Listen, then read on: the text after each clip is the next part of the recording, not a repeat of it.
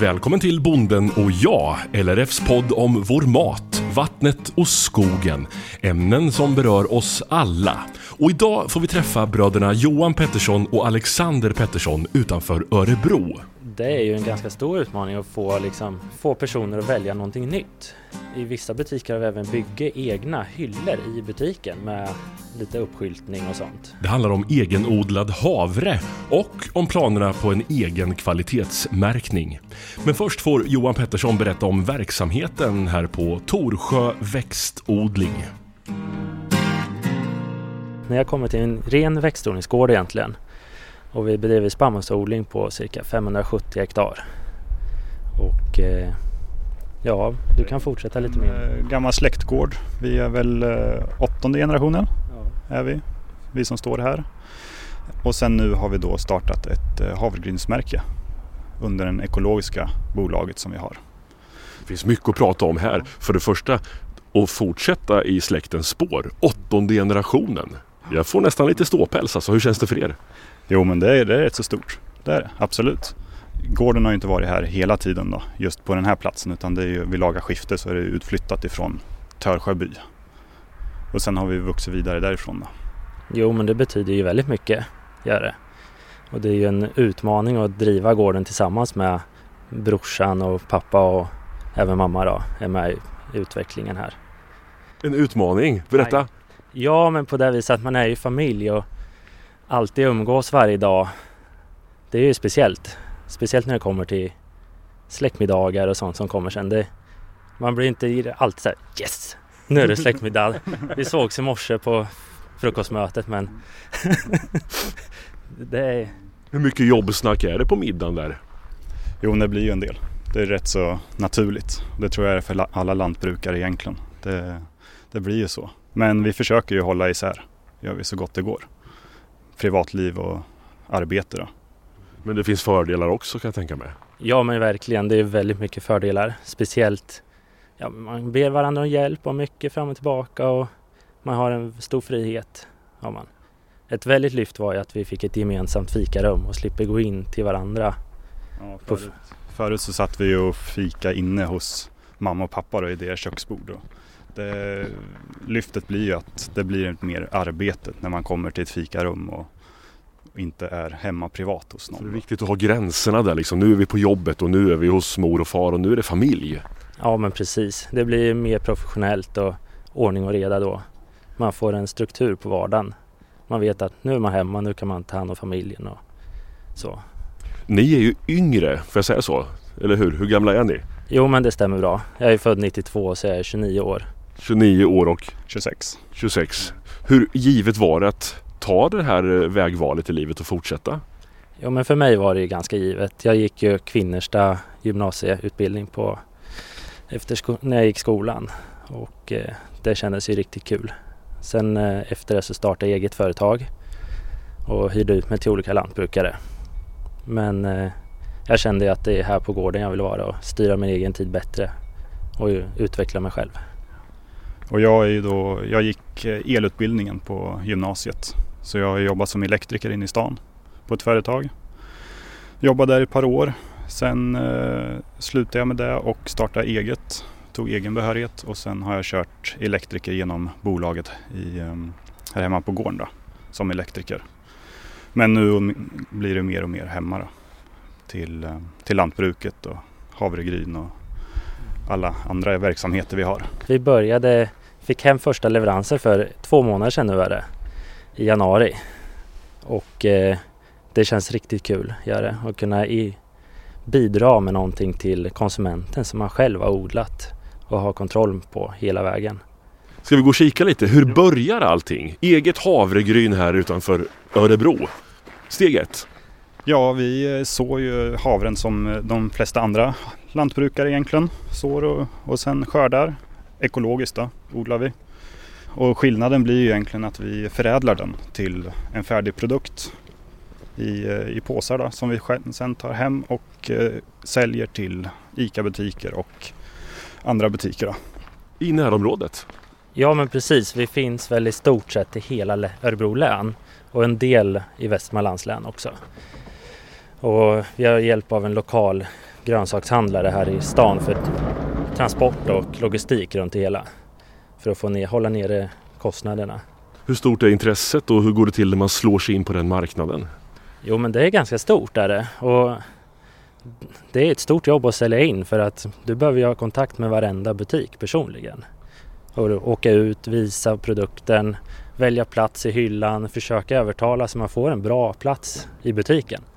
Och sen där tar ju inte arbetet slut tyvärr kan man tro. Johan och Alexander tittar på varandra och skrattar igenkännande.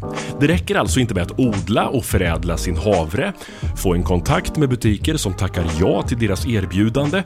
Nej, jobbet är inte över för deras del trots att produkten har levererats till butiken. Vi har ju sålt in till rätt många butiker nu där man, det här är jättebra, de är jättepositiva. Men sen när man kommer tillbaka då står inte produkten på hyllan. Ja, så vad har hänt då? Ja, då står den kvar på lagret i ett hörn och inte kommer längre. Och det är där en utmaning står. Och likadant när det tar slut i hyllan så är det svårt med återbeställningar. Att de får dem att beställa på nytt och inte bara beställa de här gamla vanliga påsarna som de brukar beställa. ICAs egna påse och alla andra märken som finns. Då. Varför de just ska återbeställa våran påse. Men hur många anställda har ni? Ni ska så plantera, skörda, eh, förädla, åka ut i butiken och kolla och också plocka upp i hyllan. Ja men precis, vi är ju bara tre stycken plus lite F-skattshjälp. Så det är mycket telefonprat. Det mesta sköts via mejl och telefon. Och idag i samhället så traktorerna kör ju rakt själva och så så man kan ju, får ju sitta och ringa och prata telefon då. Samtidigt? ja, det blir ju det. Och det, det är väl en fördel med det här yrket, att man kan göra mycket på en gång liksom. Ska vi gå in och kika? Ja.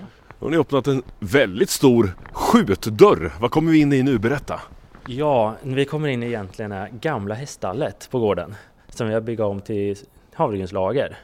Så nu står vi i gamla foderavdelningen, gör vi. Inte mycket spår av hästar här idag du? Nej, det ska ju inte vara det. Livsmedelsgodkänt och allt gammalt djur ska ju bort. Och... Mm. Hur mycket jobb är det med, med sånt att få alla tillstånd? Just livsmedelsgodkännande är väl inte jättemycket jobb så, utan de kommer ju kontrollera att det är rent och snyggt och, och så. Annars är det inte så mycket mer jobb med just den biten med lokalen. Och, är det inte. Men investeringar att få det här att fungera till ett havregrynslager? Ja, det har väl rört sig om kanske nära på 70-80 000 kanske. Där kring med eget arbete. Vi har fåt gjuta lite betong och sätta in värmepumpar och lite ventilationsfläktar. Har vi gjort. Ska vi kika in? Det tycker jag. Det är ytterligare en dörr här. Ja. Som är låst förstås. Jajamän. Här kommer vi in. Paketerat och klart. Havregrynspåsar så långt ögat når. Ekologiskt havregryn, finaste råvaran från familjen Pettersson i Torsjö. Hur känns det att stå och se allt det här? Det kändes riktigt underbart att se när första leveransen kom. Men eh, samtidigt fick man lite hjärtklappning och insåg shit vad mycket havregryn vi har fått hem och ska försöka sälja. För det, vi står här bland en leverans på 22 000 havregrynspåsar. Oh. Ja, så vi eh, har lite att bita i men vi tror att vi ska klara det här galant faktiskt. Ja, hur kollar man det? Efterfrågan till exempel. Hur vet man att det här kommer gå åt? Egentligen alla vi ringde runt till sa ju ja innan de ens, vi presenterade vad vi hade för någonting. Vi sa bara lokalt företag och eh, ekologiskt. Då säger de ja och vill sälja mm. innan de ens vet att det är havregryn eller någonting. Efterfrågan har ju varit stor, i alla fall från butikernas sida. Mm. Sen gäller det att få konsumenten att vilja köpa det här. Är det, när de står och väljer i hyllan. Och hur stor utmaning är det? Det är ju en ganska stor utmaning att få, liksom, få personer att välja någonting nytt. Och det har vi försökt jobba lite med också genom att erbjuda butiker lite marknadsföringsmaterial. I vissa butiker har vi även byggt egna hyllor i butiken med lite uppskyltning och sånt. Så vi har blivit butiksinredningsbyggare också här på köpet. Det har ju varit riktigt kul kan jag ju säga. Odla, skörda, förädla, paketera, leverera, kolla så varorna verkligen står i hyllan som bröderna själva har byggt. Var utmaningen som de båda bröderna hade väntat sig? Johan Pettersson först. Nej, vi insåg väldigt fort att vi behöver göra någonting för att få folk att välja våran produkt. Och det är ett sätt att synas och ha någonting som sticker ut. Man måste ju liksom nå igenom bruset i samhället. Det är ju väldigt många andra produkter och havregryn i hyllorna i butiken idag. Och ja, så där står vi lite. Att förädla havregrynen är en ganska omfattande process, så den gör inte bröderna själva, berättar Alexander. Tyvärr så sköter vi inte förädlingen själva utan eh, vi transporterar det till en kvarn som eh, gör havregrynen och sen får vi tillbaka färdiga påsar som vi själva har designat och tagit fram påsarnas utseende och eh, form och allt det till. Tanken var ju direkt att ja, nu ska vi bygga en kvarn och så, men investeringen var ofantligt stor när det gäller speciellt havregryn där det ska vara ångbehandlat, skalas. Vi börjar i andra änden tänkte vi. Och när vi väl har fått upp en volym om några år kanske, då, då får vi se. Målet är ju att vi vill ha en egen förädlingsprocess så att vi har koll på hela kedjan från, från det att vi sår till att det når butikshyllan. Från fröet till att vi står med de här pallarna här så ska ni göra allt själva är tanken. Ja, det långsiktiga målet är ju det. Ja, hur långt borta ligger det? Ja, två, tre år skulle vi säga. Och det här att få kunderna att välja den här produkten. Hur ser ni på konkurrensen? Om vi börjar där. Ja, men just i havregrynsvärlden är det ju lite mindre konkurrens än om man tittar på vetemjöl, rågmjöl. För det finns ju väldigt många gamla mindre kvarnar som erbjuder lokala produkter. Men i, när det gäller havregryn så är ju konkurrensen mindre, det skulle jag vilja påstå. Det finns ju bara ett fåtal havrekvarnar i Sverige.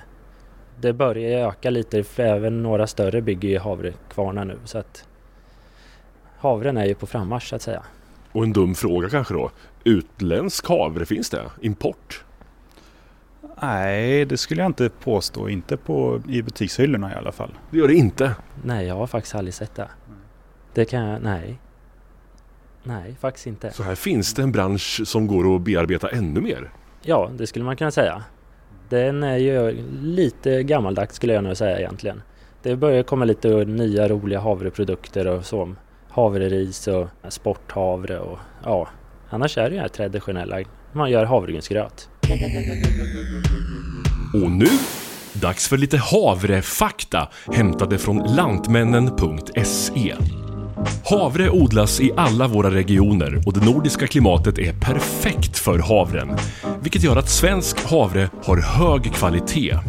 Idag odlas havre på 7% av åkerarealen. Varje år skördas cirka 0,7 miljoner ton havre i Sverige, vilket utgör ungefär 13% av den totala spannmålsskörden. Så vad tänker bröderna Pettersson om framtiden som havreproducenter? Alexander? Ja, det är väl egentligen, vi ser väl att det skulle kunna vara en väldigt bra proteinkälla, proteinkälla då. Eh, och sen möjligtvis utveckla en havre som är mer proteinrik. Det finns ju inte ens för en lantbrukare att sälja idag om man skulle vilja öka proteinet in och få mer betalt. Det är väl det som är tanken med just det här också med eget varumärke. Att kunna välja själv vad vi ska ta fram för typ av produkt. Men öka proteinet i havren, varför och hur gör man det? Ja, det är väl mer för att rikta sig mer till de här lite mer sportintresserade människorna som tänker på kosten och så då. Och hur man gör det, det är ju genom att, ja, rent krast för en lantbrukare så är det ju gödsla mera. Är det. Och eh, sen när vi tänkt på eget varumärke att vi vill ju kunna sätta våra egna spelregler när det gäller odlingen framöver. Nu är det kravcertifierat och kravmärkt men målet är att vi ska ha en, en egen märkning. Är i tanken. Vi, alltså på vilket sätt och varför? Vi tycker att varken, vi odlar ju både konventionellt och ekologiskt här på gården i två olika bolag. Vi skulle ju vilja ha en mix mellan det. Där vi driver det på ett sätt som vi tycker är mest klimatsmart. Och även ekonomiskt då men det skulle gynna både klimatet och våran ekonomi här på gården att ha en egen märkning och hälsoeffekter för människor och så om man inte besprutar rakt på grödor. Och, Men ja. konkret vad är det som saknas då? För nu har vi ekologiskt och konventionellt. Eran mix då, vad, vad är det som ni anser kan bli bättre? Rent ekologiskt, det betyder ju inte ren miljötänk egentligen. Det är ju mer besprutning och gödsling. Om vi får en egen märkning på produkten så kan vi ju visa på miljöaspekterna med hur, hur vi odlar och samtidigt få fram en, en bra produkt som är både ekonomisk och eh, bra för konsumenten. Då. Ja men precis. Vi, vi tänker ju då att man kanske inte sprutar direkt på själva grödan utan att man sprutar efter sådd eller alltså efter skörd och försöker minimera bearbetningen så långt det går. Vi ser ju nu i den ekologiska odlingen att så som vi brukar här på gården idag kommer vi inte kunna hålla på hela mitt liv ut. Jag är ju bara 29 och ska jag hålla på i 30 år och köra så mycket som krävs på ett fält då kommer vi nog inte ha så mycket mullhalt kvar. Det krävs väldigt mycket körning på ett fält för att hålla det ogräsfritt när det är ekologiskt idag. Man eh, harvar extra mycket, man ogräshackar i grödorna, kör mycket med kultivatorn efter tröskan för att hålla borta kvickrot och tistlar och sånt. Och det är ju nödvändigt för att få bra skörd och bra kvalitet. Men vi tror inte att det är rätt väg i långa loppet. Just nu är det kanske det, men inte i längden. Hur går man vidare här då för att hitta en egen märkning och få den att bli godkänd och accepterad? Och det låter ju inte som ett jättelätt uppdrag eller? Nej, det, det ser ju inte vi heller, men det är våra långsiktiga mål med det här att eh, vi, det är dit vi siktar. Vi har inte tagit kontakt med någon egentligen. Det, det fina är ju när man har ett eget varumärke som vi har.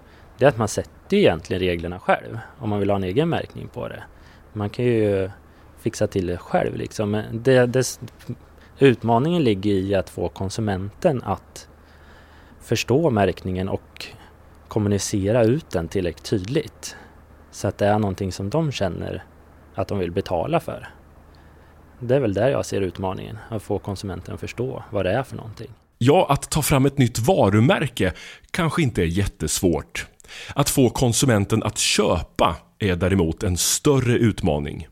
Johan tror att butikernas personal måste vara med på tåget. Ja, vi har ju lite tankar kring det här. En tanke är väl att framförallt bearbeta butiker och butikspersonal så att de kommer ihåg oss. Och det är väl genom nyhetsbrev har vi, håller vi på att ta fram lite material som vi skickar ut till dem så att de blir påminda hela tiden och får ett intresse för hela lantbrukssektorn egentligen. Men framförallt för våran del då, men det kommer gynna de flesta egentligen. Så det är väl förhoppningen. Ja, egentligen kommunicera ut det vi håller på med, med, med lantbruket och kommunicera ut det ända till butikspersonalen så de får en, ett intresse för just produkten. Så inte det bara är en påse som står där utan det är verkligen en genuin produkt som står i hyllan. Kan man vänta sig det av personal? Hur är intresset så här långt?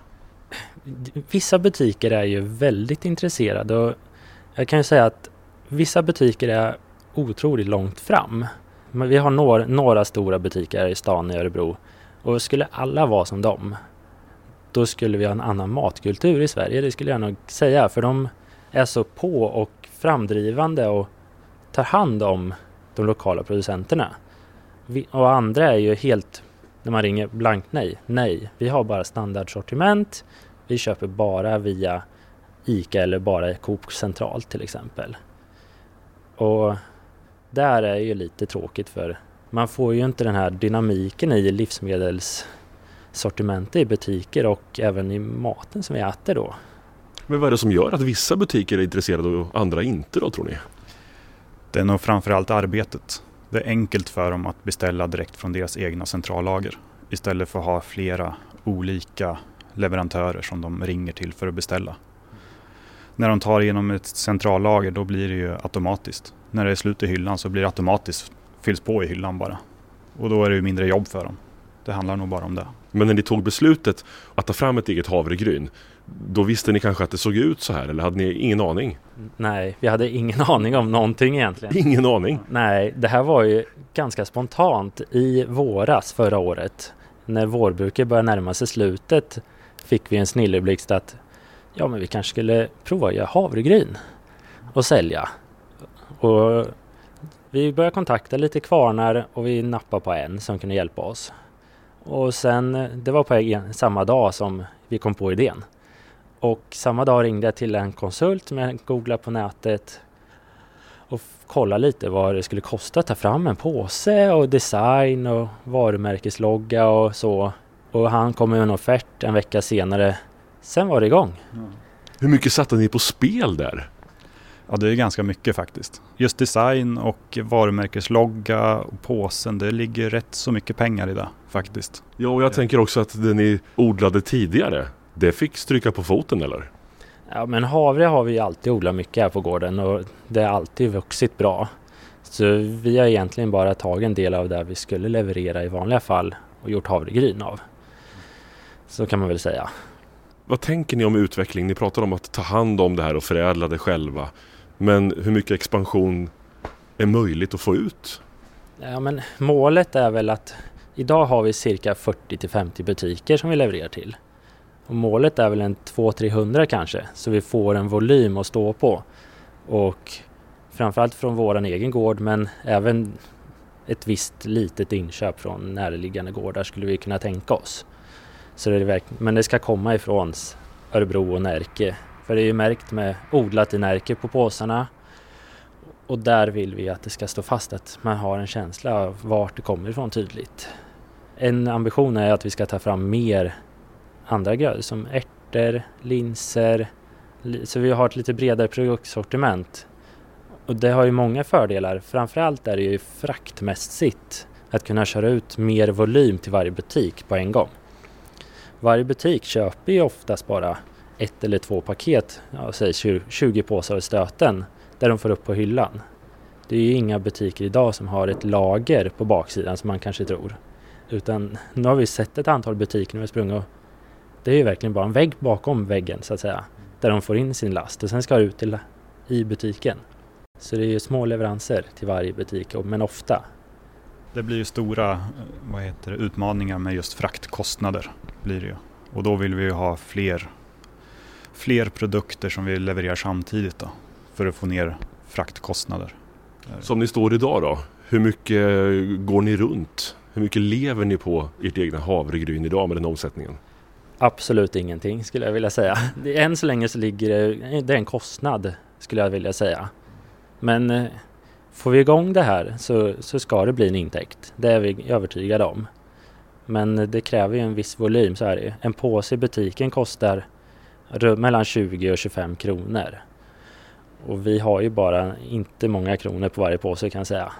Butiken ska göra hälften rakt av och sen är det frakt och påskostnader. Ja, Hur räknar man där? Hur mycket ni vill ha och hur mycket kunden är beredd att betala? Hur gör man den ekvationen?